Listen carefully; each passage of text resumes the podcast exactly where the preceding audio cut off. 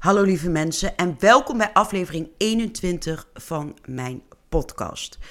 Vandaag ga ik de moord op Louis Severke bespreken. En ik zag, net voordat ik dit wilde opnemen, dat er al een aflevering van uh, Louis Severke online was gekomen bij Moordzaken de podcast. Alleen, weet je, soms kan ik niet, um, en andere podcasts ook niet, voorkomen dat er een dubbel ergens is. Want in Nederland heb je een bepaald aantal moordzaken. En uh, ja, dan vis je in dezelfde vijver. En soms kan het voorkomen dat het een, dubbel is. Maar goed, excuses daarvoor, daar kan ik niks aan doen. Hoewel de moord op Louis Severke 18 jaar geleden is gebeurd, zorgt het nog altijd voor nieuwe nieuwskoppen. Het politieonderzoek naar de moord is de allergrootste aller tijden. En nog steeds wordt dit onderzoek gezien als baanbrekend. Vandaag dus de moord op Louis Severke. En voor deze zaak gaan we terug naar 15 november 2005 naar Nijmegen. Op deze novemberdag had Severke een uh, vergadering bijgewoond in de bekende Nijmeegse kraakpand De Grote Broek. En toen de vergadering was afgelopen, ging Severke weg en dit deed hij wandelend. En niets vermoedend wandelde Severke door Nijmegen tot de klok drie minuten over negen s'avonds sloeg. Toen werd er bruut een einde aan zijn leven gemaakt. Louise Verke werd doodgeschoten en overleed ter plekke. De moord op Louise Verke was groot nieuws in Nederland, misschien nog wel groter in Nijmegen en omstreken. Maar wie was deze man? Wie was Louise Verke en waarom is er zo bruut een einde aan zijn leven gemaakt? Jean-Louis Bernard Severke wordt op 28 april 1964 geboren in Venray. Sinds zijn twintigste, dus vanaf 84, woonde hij in Nijmegen. Hij begon daar aan een studie. Deze maakte hij niet af, want Louis had idealen. Andere idealen dan het op school zitten en het behalen van een diploma. Hij streef zijn idealen met hartstocht na. Zo raakte hij betrokken bij acties tegen het studiefinancieringsbeleid van toenmalig minister van Onderwijs Wim Deetman. Tijdens deze actie werd Severke naar eigen zeggen mishandeld door een politieagent. Verder nam hij later ook nog deel aan de bezetting van het ministerie van Onderwijs. Deze acties deed uh, Severke wel nog op het moment toen hij min of meer studeerde, maar hij was er al snel over uit dat hij fulltime activist zou worden. Dat lag meer bij hem dan een studie of een diploma. Hij was in de jaren nadien betrokken bij verschillende kraakacties en bij veel maatschappelijke bewegingen. Ook was hij verbonden aan het Onderzoeksbureau Inlichtingen en Veiligheidsdiensten, afgekort het OBIV. Verder was hij voorzitter van de vereniging Steunpunt Inzage, het PID Nijmegen, afgekort het SIP. Zij volgde kritisch de lokale politie-inlichtingendienst. En alsof hij nog niet druk genoeg was, was Severke ook nog bij verschillende krakersbewegingen juridisch adviseur en fungeerde hij onder meer als woordvoerder voor de groep krakers die het Nijmeegse pand de Grote Broek in gebruik hadden genomen. Namens hen voerde hij tot zijn dood gesprekken met de uh, gemeente Nijmegen en de woningbouwvereniging Standvast Wonen over de legalisatie van dit kraakpand. Louise Verke was ook actief in de werkgroep Klachten Politie optreden. Daarmee werkt hij samen met bureau Jansen en Jansen. En zij doen kritisch onderzoek naar de politie en de algemene inlichtingen en veiligheidsdienst, kort gezegd de AIVD. Verder publiceerde hij ook nog stukken in het NRC Handelsblad, Trouw en Vrij Nederland. Werk heeft ook nog een boek geschreven over de inlichtingendienst. Maar dit boek zorgde voor zoveel beroering in de maatschappij dat deze uiteindelijk door de rechter verboden werd. Louise Verke deed ontzettend veel en bij verschillende werkgroepen of krakersbewegingen. Maar wat hij deed was wel allemaal in hetzelfde gebied. Dus denk aan de legalisatie van kraakpanden, gesprekken met gemeenten, controle van de inlichtingendiensten. Kort gezegd, hij maakte zich hard voor krakers en voerde strijd tegen politie en de binnenlandse veiligheidsdiensten. Severke was bovendien van mening dat deze overheidsinstanties onnodig dossiers bijhielden van politieke activisten. We gaan terug naar de dag van de moord, naar 15 november 2005. Direct na de schietpartij wordt door de politie een zogenaamde TGO, Team Grootschalige Opsporing, opgezet. De codenaam voor het onderzoek was Bamboe. De politie wist dat deze moord ontzettend veel stof zou doen opwaaien. Mensen speculeerden vanaf moment 1 al wie dit op zijn geweten kon hebben. Moesten we kijken naar de richting van de krakerswereld? Of kwam het toch door zijn scherpe blik op de binnenlandse veiligheidsdiensten? De politie verricht op het plaatsdelict direct forensisch technisch onderzoek. In de hoop dat de politie um, op het plaatsdelict misschien DNA van de dader kon vinden. Helaas was dit de eerste tegenvallen in het politieonderzoek. Geen spoortje DNA van een mogelijke dader. Wat wel al snel uit onderzoek kwam, was dat Louise Verke om het leven was gekomen door twee schoten. Het moordwapen dat gebruikt is, is een jachtgeweer, kaliber 12. Het was een dubbelloops wapen met een afgezaagde loop. Op het plaatsdelict werden twee soorten jachtpatronen gevonden. Het eerste schot raakte Zeverke in de rug aan de achterkant. Het tweede schot is met hagelmunitie afgeschoten. De hagelkorrels hebben Louis van de voorzijde in zijn borst en hals geraakt. Dit tweede schot werd afgeschoten terwijl Louis Zeverke al op zijn zij op de grond lag. Hij lag op de stoep van de Welderenstraat en Elbrachtstraat in Nijmegen. Na het tweede schot heeft hij zich niet meer verplaatst.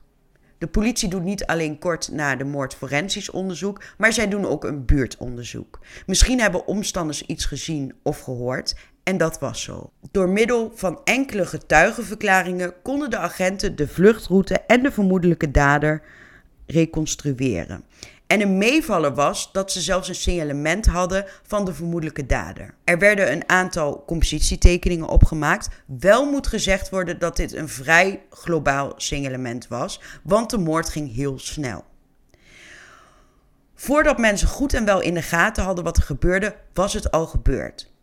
Vlakbij het plaatsdelict bevond zich een smalle straat, de Vlaamse Gas. Hier liepen op dat moment van de moord ook enkele mensen. En zij verklaren aan de politie dat er een man uit de richting kwam waar net geschoten was. En hij riep dat er geschoten werd en dat de politie gebeld moest worden. En de man had geen Nijmeegs accent, eerder een Limburgs accent, een, een zachte G. De man herhaalde zijn zin nog twee of drie keer en daarna liep hij weer verder. Misschien kon het niet zijn. Misschien was het de dader. Maar op dit punt van het onderzoek was alle informatie bij de agenten welkom. En ze nemen deze getuigenverklaringen dan ook mee in hun dossier. Helaas heeft het bamboe-team niemand kunnen aanhouden. De politie heeft allerhande scenario's onderzocht en alle opties opengehouden, maar ze kwamen niet tot de oplossing. We nemen een klein sprongetje in de tijd naar 2006, een jaar na de moord op Louise Verke. Want in Leiden en Breda worden in korte tijd twee filialen van ABN AMRO bank overvallen. De vergelijking met de twee overvallen zijn groot. De politie Hollands Midden weet dan ook zeker dat de bankovervallen door één en dezelfde dader is gepleegd. Daarom wordt er een onderzoek opgetuigd voor deze twee bankovervallen onder de codenaam Vlinder. Op 23 januari 2007 worden daarom ook de videobeelden van de beveiligingscamera's van die overvallen uitgezonden bij Opsporing Verzocht. Misschien leverde dit voor het Vlinderteam de broodnodige tips op. Want de onderzoekers van Team Vlinder wisten ondertussen dat de uh, bankovervallen door één man zijn gepleegd. En voor zover zij weten zijn er geen andere verdachten, geen hulpjes. Het was één man die dit deed. Na de uitzending wordt de politie gebeld door de ouders van Marshall T. Zij herkende de getoonde bankovervallen. Het was één van hun zoons, Marshall T. De ouders van T geven de politie meer informatie over hun zoon. Hij woonde in het verleden in Nijmegen. Daarna verbleef hij een aantal jaar in Antwerpen en sinds kort was hij woonachtig in Barcelona. Maar dat was niet alles wat de ouders aan de politie te vertellen hadden. Zij overhandigden de politie ook een sleutel. En, dit, uh, en deze sleutel hadden die ouders van Marcel tegengekregen. Het was een sleutel van een opslagbox bij Shugart. En later bleek dit een goudmijntje voor de politie. Het Vlinderteam is ontzettend blij met deze nieuwe informatie en aanknopingspunten in het onderzoek naar die twee bankovervallen bij de ABN. En zij gaan als eerste navraag doen bij Shugart of daar überhaupt nog wat um, gehuurd werd door ene Marcel T. En het vlinderteam komt erachter dat, er, dat Marcel T. twee opslagboxen huurde bij de Shugart-vestiging in Rotterdam. Toen het vast kwam te staan dat hij dit had, vertrok een deel van dat team naar Rotterdam en nam daar een kijkje in die opslagboxen van Marcel T. En daar nam het Vlinderteam toch wel hele opmerkelijke dingen in beslag. Namelijk documenten voor het maken van explosieven, een hoeveelheid oranjekleurige vloeistof en een achttal slagpijpjes gevuld met explosieve stof. Er werden documenten gevonden die op een autobiografie leken. Deze leken geschreven te zijn door Marcel T. En uit deze documenten kon worden opgemaakt dat hij had deelgenomen aan de krakersbeweging in Nijmegen. In de tijd zou hij daar onterecht zijn beschuldigd over het feit dat hij een infiltrant zou zijn. Bovendien zou hij in de gaten gehouden worden en zijn achtervolgd door de BVD en het CID. Ook zou hij in de gaten worden gehouden door het bureau Jansen en Jansen en het OBIV. Hij zou een anarchist zijn en door deze beschuldigingen met lege handen kwam te staan. Hij zou bovendien de rekeningen vereffenen en er zou nog een afrekening komen. Op een CD-ROM wat in beslag is genomen is een deel van dat autobiografisch document gevonden. Op de laptop die ook in de garagebox lag, is een uitgebreide versie van het document aanwezig. En verder is er ook een boekje in beslag genomen met een begeleidend schrijven van de hand van Louise Verke. Het Vlinderteam heeft hiermee een ontzettend belangrijke doorzoeking gedaan. De goederen die in de opslagbox van Marcel T. zijn gevonden lijken te mooi om waar te zijn. Wat het vlinderteam opvalt, is dat er veel aanwijzingen liggen naar de krakersbewegingen en meer op de vraag, wraak die T wilde nemen op deze beweging. Vooral in de richting van de verenigingen waar onder meer Louise Verke werkzaam was.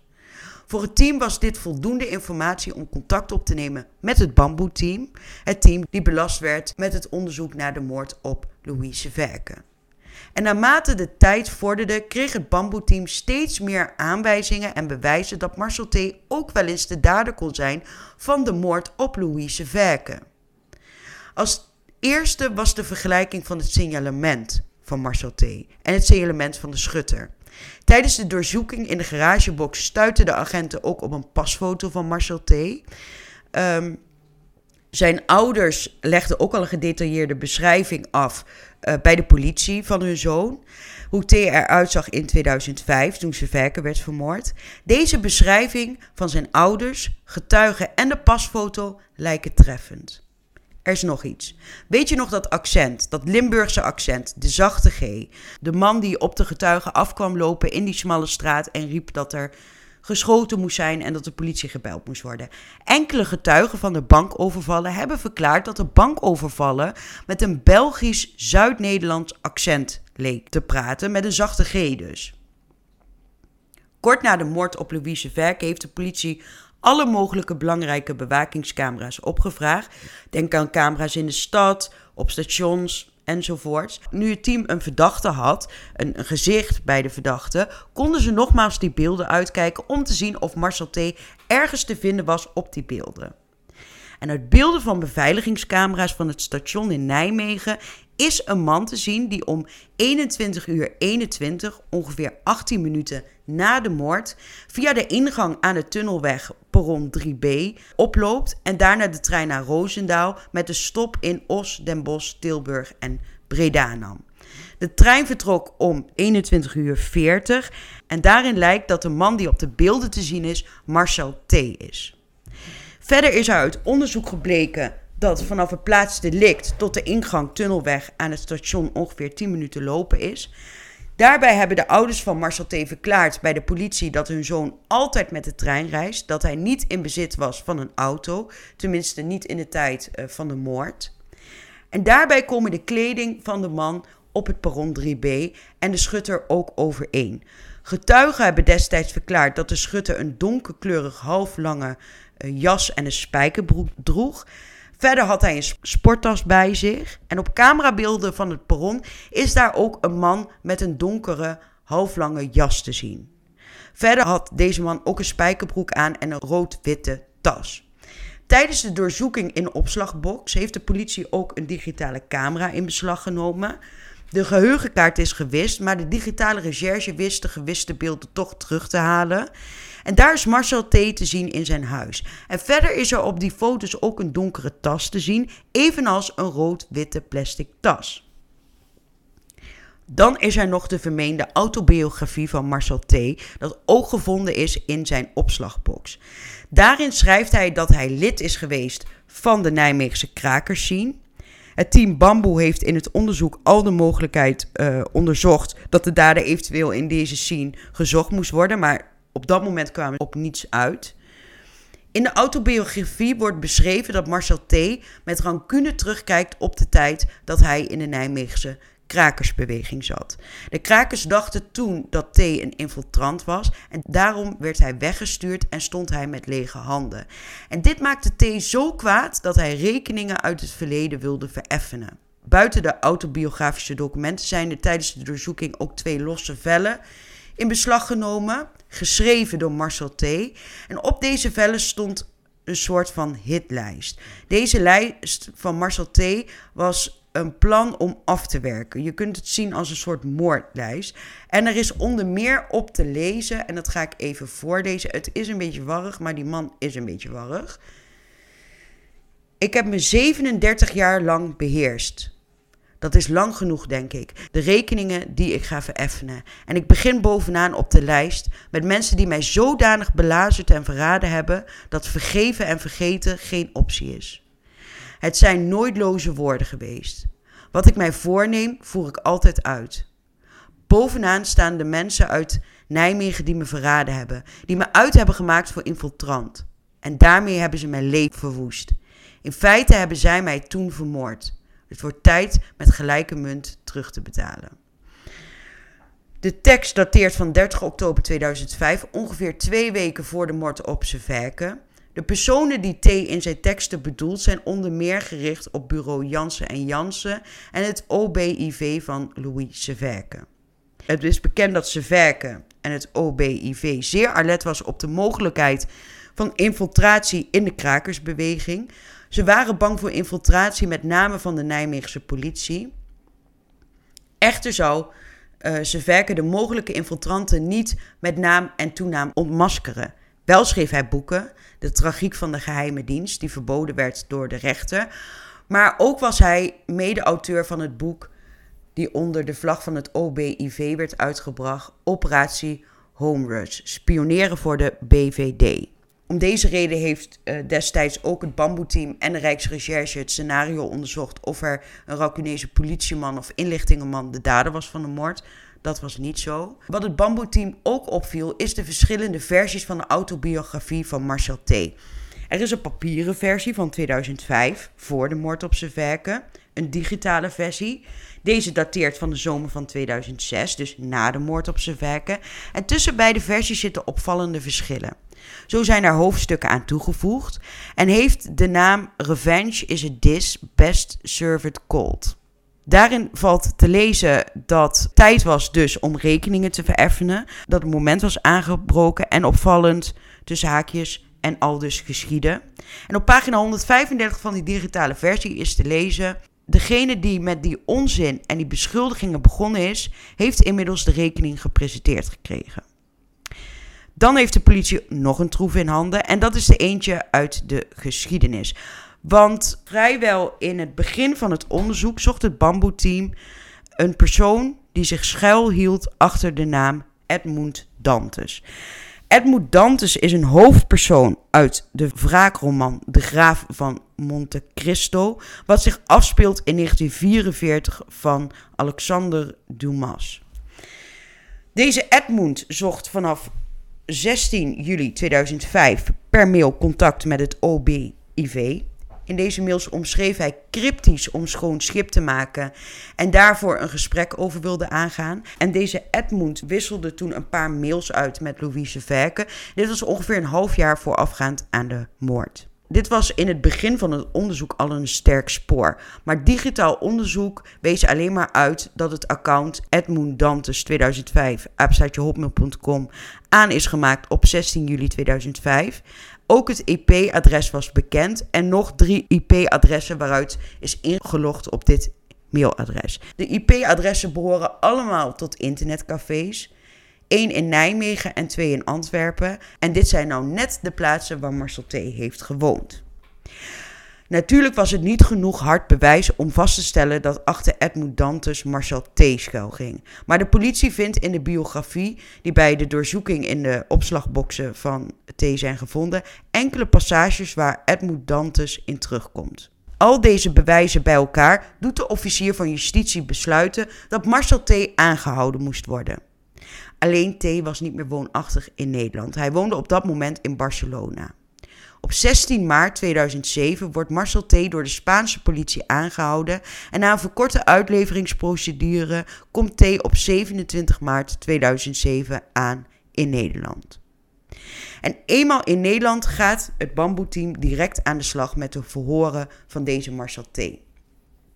De verhoren vonden plaats op 27 maart tot en met 20 april 2007. Deze verhoren werden opgenomen op beeld. En vanaf moment 1 legde Marcel T. bekentenissen af over de moord op Louise Verke. Later ook over de bankovervallen op de ABN AMRO. En hij bekende dat hij uh, aanslagen had gepleegd uit de naam van Earth Liberation Front. Deze waren uh, verantwoordelijk voor bomaanslagen op het Franse consulaat en bomaanslagen op de BASF. Het team had zich heel goed voorbereid op te verhoren. Deze konden nog wel eens lastig worden, was de inschatting. Want als je het bewijs bekijkt, de delicten die hij gepleegd heeft en het feit dat ze al een beetje konden inlezen over zijn persoonlijkheid in die autobiografie, leek het te gaan om een man die het team nog wel eens lastig kon maken. Daarom had de politie een zorgvuldig geselecteerd recherchekoppel. Wat je zou denken is dat het verhoorkoppel alle ins en outs van de zaak wist. Maar in deze zaak is dit dus niet waar. Zij weten globaal hoe de zaken in elkaar zitten, maar details weten zij niet. Dat heeft de politie bewust gedaan om te voorkomen dat ze Marcel T. bijvoorbeeld woorden in de mond gingen leggen. Wel werd achter de schermen gestuurd op bepaalde onderwerpen. Dit door middel met open vragen en uh, daarop dan door te gaan. En jullie moeten weten, soms onbewust kunnen de meest ervaren ondervragers verdachte woorden in de mond leggen of situaties kleuren. Denk even aan het, uh, we helpen je even het geheugen opfrissen. Het bamboeteam wilde dit echt hier koste wat het kost voorkomen. Daarbij kwam nog een reden om dit te doen, want de moord is op het moment van ondervraging anderhalf jaar geleden. De pers is op de moordzaak gesprongen en er was heel veel informatie bekend vanuit de media. Behalve de dadenkennis natuurlijk. En daarom was het voor de politie ook heel belangrijk om de algemene kennis die bij het publiek bekend was en de dadenkennis te onderscheiden. Daarom mocht er op geen moment T woorden in de mond gelegd worden. Bij het eerste verhoor op 27 maart 2007, de dag dat Marcel T. aankomt vanuit Spanje in Nederland, vindt dus het eerste verhoor plaats. En daar bekent hij eigenlijk direct dat de gevonden spullen in de opslagbox van hem waren. Daarbij zegt hij ook, als de verhoorders zijn autobiografie hadden gelezen, zij al op de hoogte waren van alles wat er gebeurd was. Want, zo zegt T, alles wat daarin staat is waar. Maar goed, daar neemt de politie natuurlijk geen genoegen mee. Zij wilde gedetailleerde bekentenissen over de moord op zijn werken. Ook is het motief natuurlijk een belangrijk ding. En dat doet Marcel T. Over de achtergrond van de moord zegt T het volgende. In 2005, voor de moord, is T begonnen met het schrijven van zijn autobiografie. Hij had het hele verhaal op papier gezet. Na de hand besloot hij dat er nog wat rekeningen te vereffenen vielen. Hij had een enorme hekel gekregen aan het krakerswereldje. En niet alleen aan, de, aan het krakerswereldje, maar ook aan alles wat er omheen hing. Maar het ging verder, zo zegt T in zijn verhoren. De gasten die in het wereldje zo'n beetje aanstuurden, de leden van het OBIV, daar had hij misschien nog wel het meeste hekel aan. Verder was hij ook nog zo'n 12.000 gulden misgelopen, want de eigenaar zou iedere kraker die in het gekraakte pand waar hij destijds woonde, als de kraker vrijwillig dat pand zou verlaten, zouden ze een bedrag krijgen, dus 12.000 gulden. T was hier wel voor in, maar de krakersbeweging had zich toch verzet tegen de deal, omdat ze verken dit zo had besloten. Aldus Marcel T. In de tijd dat T in de krakerswereld in Nijmegen zat, heeft hij meermaals Severke ontmoet. Als de verhoorders dan komen op zijn dodenlijst, zegt Marcel T. dat dit niet zo'n spannende lijst was. Het was meer spreekwoordelijk. Werken stond bovenaan zijn lijst.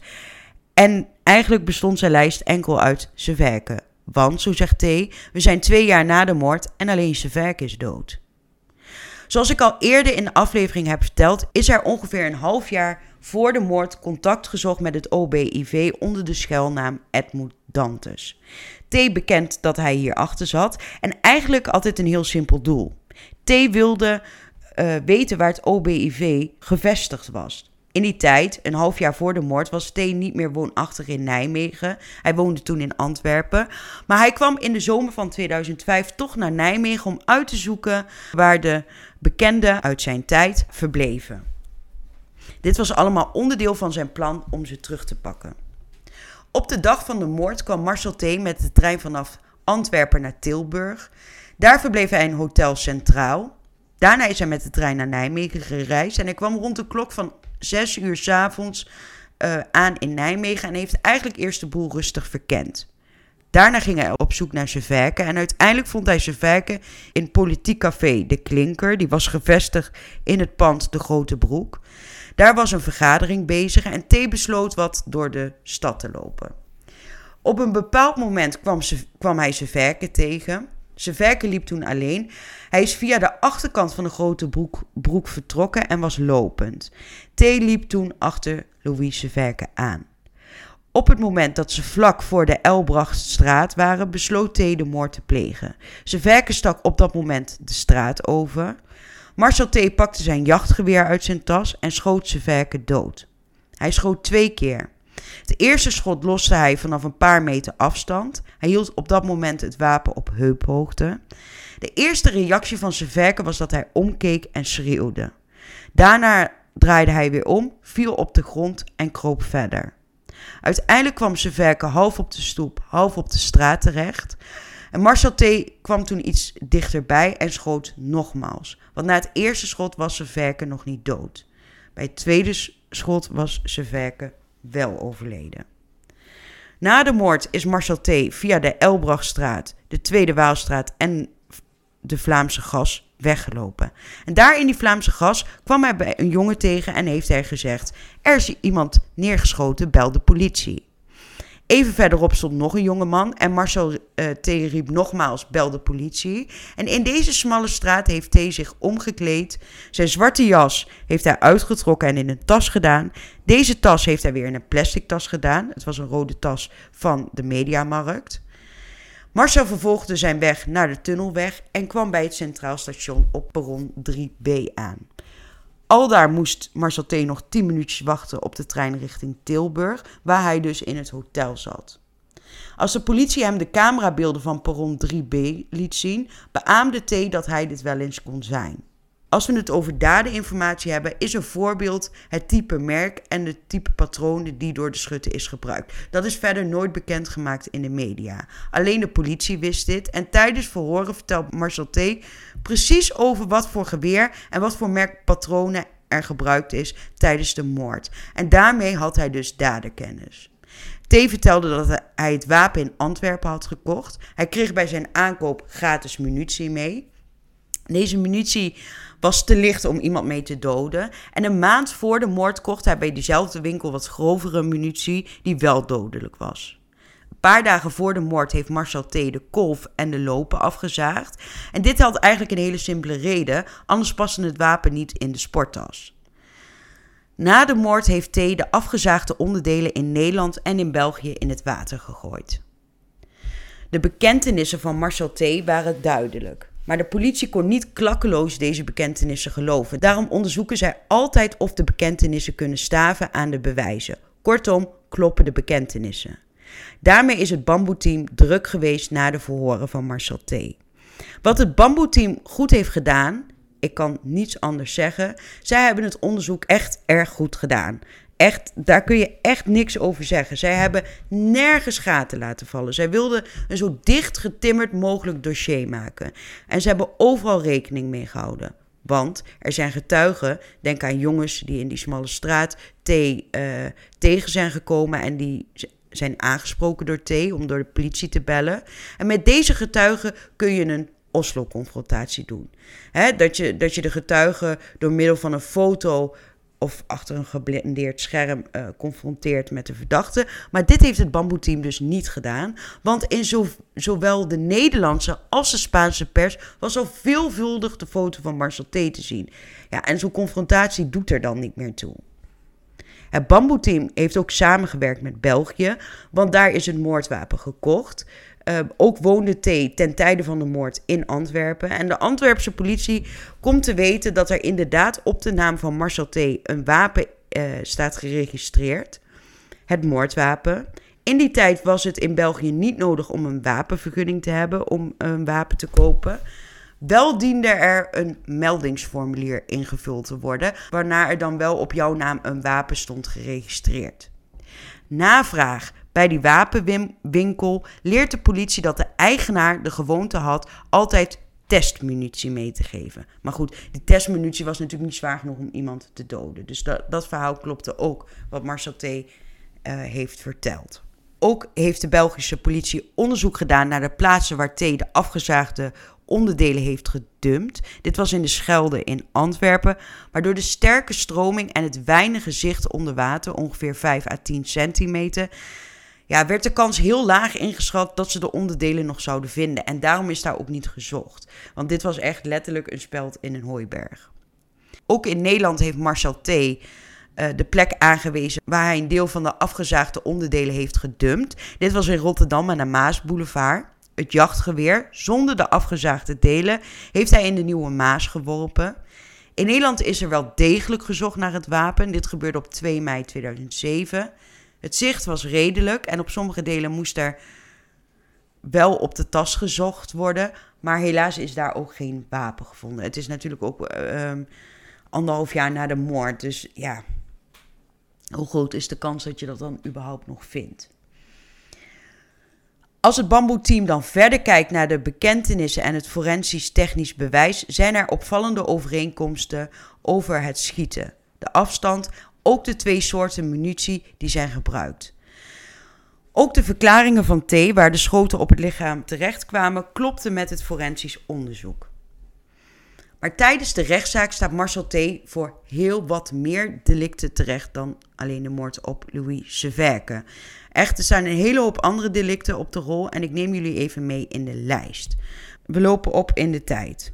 In april 1994 in Nijmegen zou T. brand hebben gesticht in het BP-station. Op 30 oktober 1995 heeft hij in Nijmegen brand gesticht bij een bank. Dit heeft hij gedaan met een Molotov-cocktail. Op 2 januari 96 heeft hij in Arnhem een ontploffing teweeggebracht. Op 16 april 96 nog een ontploffing in Arnhem bij het gebouw van BASF. Op 27 juli 1999 zat even wat jaartjes tussen. Um, heeft T in Nijmegen een overval gepleegd, gepleegd op een grenswisselkantoor. Dit heeft hij onder bedreiging van een wapen gedaan. Daar heeft hij een medewerker van het grenswisselkantoor gedwongen om hem duizend gulden te geven. En hij wilde de rest van de kluis. Op 9 maart 2001 een overval op de ABN AMRO in Utrecht. Weer met een wapen en daar was de buit 15.800 gulden. Op 29 augustus 2001 weer een overval bij de ABN, maar dan in Leiden. Weer met een wapen en daar was de buit 35.695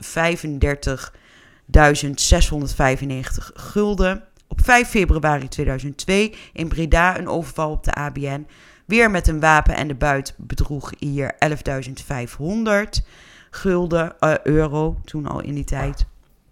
Op 16 november 2005 weer een overval in Leiden op de ABN met een wapen. Daar was de buit 8500 euro. 9 maart 2006 weer een overval op de ABN in Breda met een wapen en daar was de buit 15.400 euro. En op 22 december 2006 in Leiden weer een ABN. Ik denk dat hij echt haat had op de ABN. Um, heeft hij weer uh, overvallen met een wapen en hiermee heeft hij 12.375 euro buit gemaakt. Tussen deze overvallen heeft hij dus ook de moord op Severke gepleegd. Nou, tijdens uh, het onderzoek is Marcel T. ook psychiatrisch onderzocht. En deskundigen stellen dat er sprake was van het syndroom van Asperger. En dat hij een narcistische en antisociale persoonlijkheidstrekken had. Daarom zeggen de deskundigen Banneke en Keizer dat T voor de moord op zijn werken sterk verminderd toerekeningsvatbaar was en voor de bankovervallen verminderd toerekeningsvatbaar.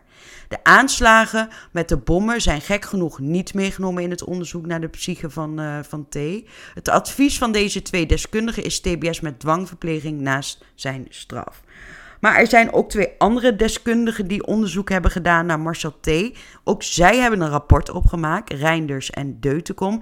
En zij stellen op het moment van onderzoek van T dat het een 39-jarige hoogbegaafde man is met ontwijkende persoonlijkheidsstoornis met wantrouwende trekken. Maar ze stellen dat de ernst en de omvang van de stoornis beperkt is. Dit is in tegenstelling tot wat die andere twee deskundigen zeggen. Want zo zeggen Deutenkom en Reinders dat de omvang beperkt is, komt doordat T hoogbegaafd is. Maar ondanks dat is het wel zo dat hij een gebrekkige sociale ontwikkeling heeft. Toen T in Nijmegen woonde, heeft hij twee periodes gehad waar hij depressieve stoornis had. Ehm, maar deze is buiten het onderzoek gelaten omdat die niet van belang waren. Uit onderzoek is niet gebleken dat T last had van een ontwikkeling of hechtingsstoornis. Hij zou ook geen last hebben van ADHD of autisme. Hij voldoet niet aan de kenmerken van Asperger. Dit stelden die andere twee deskundigen wel. Verder is er ook geen aanwijzing gevonden dat hij verslaafd was aan alcohol. Wel heeft hij in gesprekken verteld dat hij uh, met periodes wel overmatig alcohol nuttigde. En verder valt te lezen dat Marcel T. in zijn periode dat hij in Nijmegen en in Antwerpen woonde, last had van onwaardig, achterdochtige gedachten. Uh, over de gedraging en de bedoeling van de leden van de Nijmeegse linkse milieu. En dat hij zeer oplettend was voor opsporingsdiensten. Maar ze kunnen niet zeggen dat T toen paranoïde waandenken had. Ook in het onderzoek naar de hand kon dit niet helemaal worden vastgesteld. Van nature is T een man die de kat uit de boom kijkt voordat hij verbinding maakt met een ander. Daarom is T in de eerste contact met een ander ja, nogal stug, inflexibel of zelfs contactgestoord. Volgens deskundigen heeft dit te maken met zijn persoonlijkheidsproblematiek. Niet met het autisme-spectrum zoals Asperger. Deskundigen zeggen dat je dit als een soort van muur kunt zien, die T dan om zich heen trekt, zodat hij niet geraakt kan worden. Dit zou komen door de ervaring in zijn adolescentie. In die adolescentie zou de stress en de sociale uitsluiting van de peer group, dus de krakerswereld, in volle hebben ervaren. Maar door zijn panzer heeft hij de bijbehorende emotie redelijk nog van zich af kunnen houden. In de laatste jaren van zijn adolescentie en zijn jonge volwassenheid heeft T zijn identiteit in het anarchistische gedachtegoed gevonden en hij besloot zijn leven te wijden aan de strijd tegen de kapitalistische maatschappelijke orde. Vanwege zijn chemische achtergrond lukte het hem om kennis en kunde te vergaren met betrekking tot, tot het vervaardigen van explosieven. Wel overwogen koos hij zijn doelwitten uit. Planmatig en goed voorbereid en volgens zijn eigen zetten met nauwgezette aandacht voor het reduceren van persoonlijke risico's voor anderen, pleegde hij dus die aanslagen. Maar dit heeft volgens de deskundigen niets te maken met zijn persoonlijkheidsproblematiek. T heeft verklaard dat hij een, een identiteitscrisis had. En hij vond dat hij zijn levensonderhoud niet kon worden gefinancierd door inkomsten uit werk of een uitkering. En volgens de deskundigen is het mogelijk dat de keuze voor het plegen van een bankovervallen op te vatten is als een residu van zijn anticapitalistische, anarchistische denken. Ook bij deze overvallen was hij volledig toerekeningsvatbaar volgens deskundigen. Hier heeft hij zijn persoonlijkheid, hier heeft zijn persoonlijkheidsproblematiek niets mee te maken. Deze deskundigen zeggen dat T volledig toerekeningsvatbaar is. En de rechtbank gaat mee in dit rapport, het rapport van Deutenkomp en Reinders. Daarom vinden zij T ook volledig toerekeningsvatbaar voor de moord op zijn werken en die bankenovervallen. Uiteindelijk krijgt Marcel T. een levenslange gevangenisstraf opgelegd. Hij was zelf niet bij de uitspraak en wat ik heel opvallend vind, is dat hij niet in hoger beroep ging. Hij leek me wel zo'n mannetje die dan in hoger beroep gaat en procedeert tot iedereen erbij neervalt. Maar dat deed hij dus niet. In 2022 probeert hij een herzieningsverzoek in te dienen, maar deze wordt afgewezen. En in 2023, als Marcel T. 16 jaar vastzit, wil hij gratie. Nou, deze beslissing moet nog vallen, maar ga er maar niet van uit dat het zo is. Want ja, deze man is gewoon niet beter genoeg om de maatschappij in te kunnen. En um, hij heeft geen TBS gekregen omdat hij een levenslange gevangenisstraf opgelegd krijgt. Nou, tegenwoordig kun je wel uh, een, een, een, aanvraag voor in, in vrijheidstelling doen na zoveel jaren. Maar er wordt dan wel grondig gekeken of dit kan. En bij Marcel T. lijkt het me het geval dat deze man heel intelligent is en niemand hem echt kan peilen of doorprikken of hij nog iets van plan is in zijn leven, hè, op aanslagen of zoiets. Dus ik ga er niet van uit dat hij gratie krijgt. Dit was de zaak weer voor deze week. Een zaak die lang de media heeft gedomineerd. Een interessante zaak als je het mij vraagt. En natuurlijk ontzettend triest, laten we dat niet vergeten. Bedankt voor het luisteren. Voor meer, voor meer beeldmateriaal kijk dan op mijn Instagram, Moord in de Lage Landen. Tot volgende week, lieve mensen. Dan hebben we het over de befaamde Belgische duinmoord.